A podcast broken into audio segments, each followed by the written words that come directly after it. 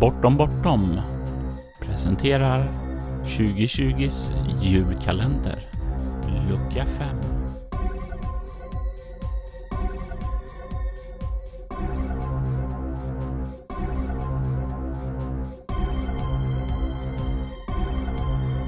Bakgrundsmusiken i detta avsnitt gjordes av Derek and Brandon Fichter och vignettmusiken gjordes av Robert Jonsson.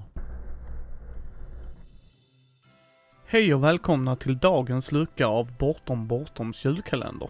Jag är Mikael Fryksäter från Mindys bräd och rollspelspodd och vill berätta om ett minne som rollspel har gett mig. Jag tänkte då ta ett minne ifrån min kampanj i DC Universe.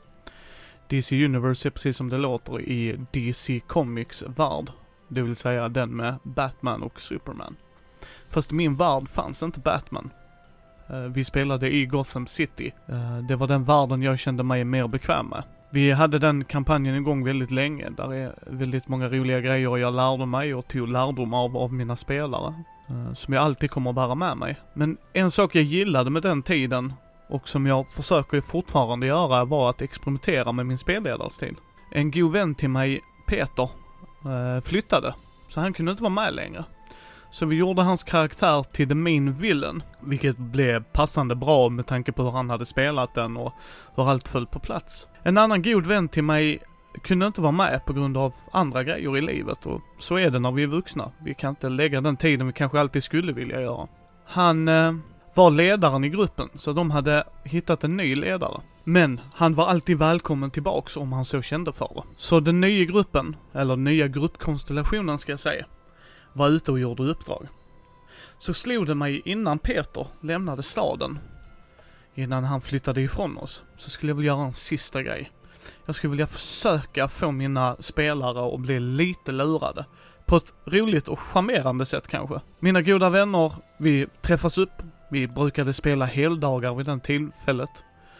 Eh, vi satt på en förening, det är i min hemstad här i Helsingborg. Hade då tillgång till ett av rummen där. Även de andra för den delen för det var en söndag och vi var själva. Så det passade mig utmärkt. Så jag började forma den här planen. De jagade ju ädelstenar, magiska ädelstenar för den delen, som kunde göra väldigt mäktiga saker.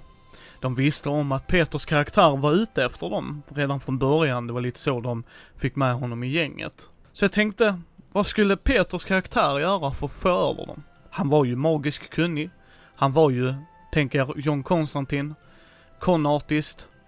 Dock ej från Storbritannien utan mer någonstans från Östeuropa. Vad skulle han göra för att få tag på de här stenarna?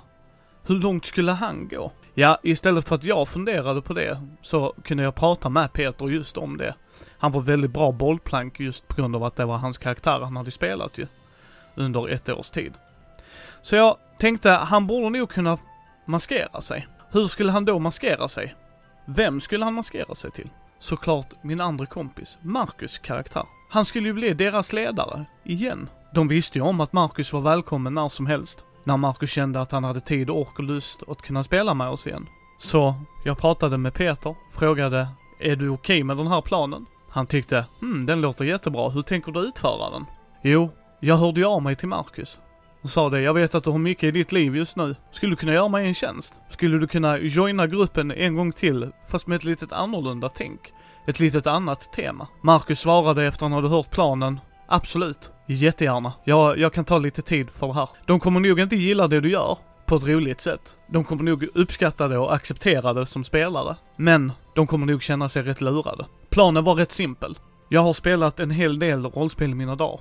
Varenda gång en spelare får reda på att en annan spelare spelar en annan karaktär än vad de brukar göra. Det vill säga, om jag använder en magisk förmåga eller en, en kunskap som jag har i att förklä mig till någon annan, så brukar alla som jag har spelat med, och det är otroligt individuellt som mycket annat i hobbyn, kan jag inte lista ut vem hen är. Om jag slår ett slag här, jag borde ju uppfatta att personen är någon annan ju. Hur kommer jag åt det? Hur tar jag bort den edgen ifrån dem? Hur tar jag bort den metakunskapen? Jo, jag sa till Marcus, spela din karaktär så som Peter skulle ha spelat den. Du har ju spelat med Peter i ett års tid. Hur skulle han spela din karaktär? Under kunskapen av att Peters karaktär spelar din karaktär. Det låter väldigt meta och det var det på ett sätt. Men det var bara meta för oss tre. Jag kallade dit gruppen. Gruppen kom dit. Vi började med lite enkla uppdrag. Jag tänkte, jag ska får dem in i det. Jag hade skrivit till gruppen att, nej men Marcus kommer vara med. Han kände att han ville vara med en dag. Marcus dök upp. Marcus var med. Han började spela sin karaktär lite annorlunda, men det var inget någon ville göra magiska slag på eller kan jag lista ut det här? De visste att Marcus karaktär hade haft med magi att göra innan, så när en av spelarna som hade en förmåga att kunna känna av magisk kunskap och kände av det av Marcus karaktär, så var det inget ovanligt. De visste ju om att Marcus hade varit med och spelat innan, de alla hade ju spelat med honom och det var ju Marcus, vår vän. Så han var ju med och spela. Vad de inte visste var att samtidigt när någon hade en paus eller något så hörde jag av mig till Peter. Du kan börja närma dig. Det börjar bli det här nu. Peters karaktär visste ju om att de hade en av ädelstenarna. Han ville åt den. Han visste också om att en av mina bästaste, bästaste vänner i hela livet, en bror från en annan mor, Martins karaktär, hade stenen på ett väldigt hemligt ställe. Så mycket förstod han på Martins karaktär. Så han ville ju dit var stenen var. Så för att göra det behövde han ju lura Martin. Han behövde lura Martins karaktär, professorn. För att ta sig till just den platsen. Så då gjorde han det han gjorde bäst. Bullshitta sig igenom. Så Marcus spelade Peters karaktär. Via sin karaktär så att säga. Och gjorde de mest konstigaste sakerna. Hittade inte på kontoret, hittade inte några saker alls, visste inte hur telefoner fungerar, missplacerade alla saker. Folk tyckte det var konstigt, men återigen, det var ju Marcus vid bordet. Det var väl inga problem att Marcus var där. När gruppen splittrades, för jag har sagt till Marcus, du har ett mål. Det är att ta dig till ädelstenen, kosta vad det kosta vill. Jag la mig inte i hur Marcus spelade karaktären.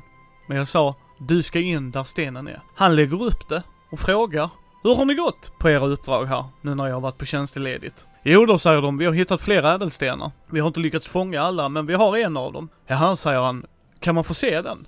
Ja, säger gänget. Vi ska ju på ut på ett uppdrag här, men du och Martin kan ju gå in där. Då ska man komma ihåg, Martin hade ju då ett hemligt ställe där bara han var välkommen. Ett ställe som var utanför tid och rum. Återigen, det här är DS-universumet. Så vi kunde göra lite vad vi ville. Vi körde kanske inte allting by the book så att säga.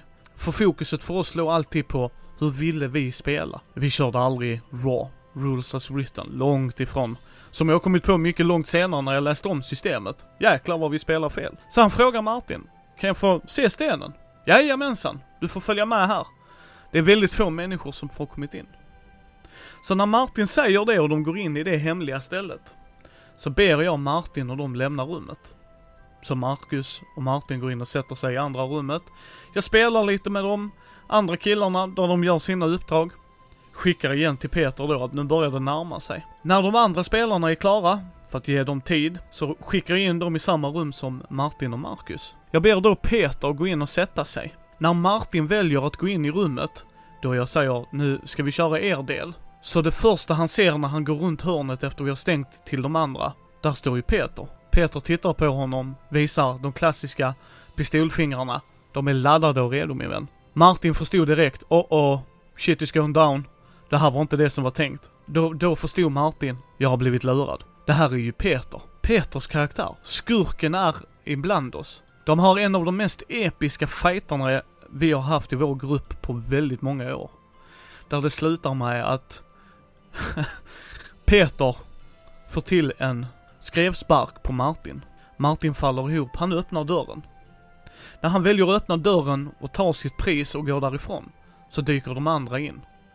De andra är väldigt konfunderande och förstår inte varför Peter sitter i rummet. Marcus var ju där.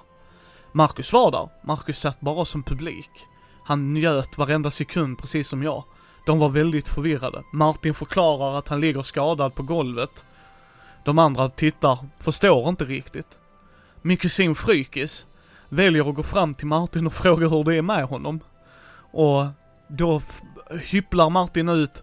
Öh, skurk! Han är ondska, han har tagit stenen. Då börjar de få panik.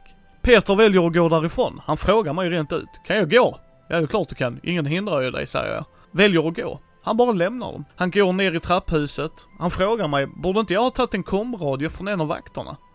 Jo, sa jag, det är väl rimligt. Om du känner för det.